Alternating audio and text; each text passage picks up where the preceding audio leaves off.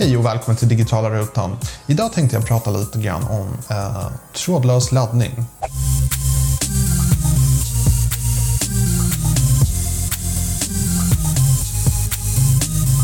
Det är en ny teknik som gör att man kan sätta mobilen på en platta och så laddas den med hjälp av induktion.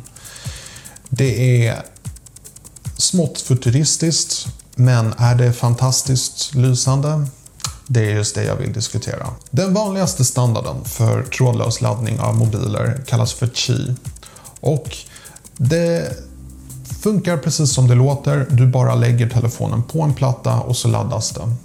Det finns däremot två stora nackdelar med den här metoden. Ett, det är att du måste placera mobilen precis på rätt plats för att det ska laddas. Är det bara några centimeter till vänster eller höger eller upp eller ner så laddas inte telefonen. Det tycker jag är en stor nackdel. För det kan hända kanske att du sätter telefonen på laddning och du tror att den laddas men den gör den i själva verket inte. Den andra stora nackdelen är att trådlös laddning tyvärr är väldigt långsam jämfört med vanlig sladdladdning. Och sen kom jag precis på en till stor nackdel med trådlös laddning. Det är att du kan inte ta upp din telefon samtidigt som den laddas och kanske kolla text eller surfa samtidigt. Du kan i princip inte använda telefonen samtidigt som den laddas.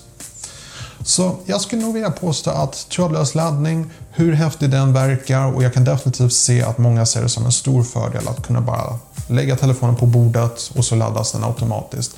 Men det finns definitivt fortfarande stora fördelar med att kunna ladda med hjälp av en kabel.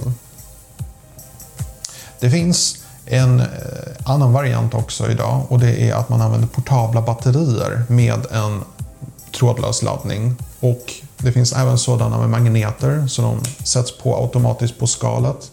Och Mofi har ett gäng sådana. De rekommenderas starkt. Men annars, trådlös laddning för mig, jag är helt enkelt inte alltför imponerad. Det var allt för idag. Hoppas ni tyckte om den här videon. Lämna gärna en kommentar och så passar jag på att önska dig en fantastisk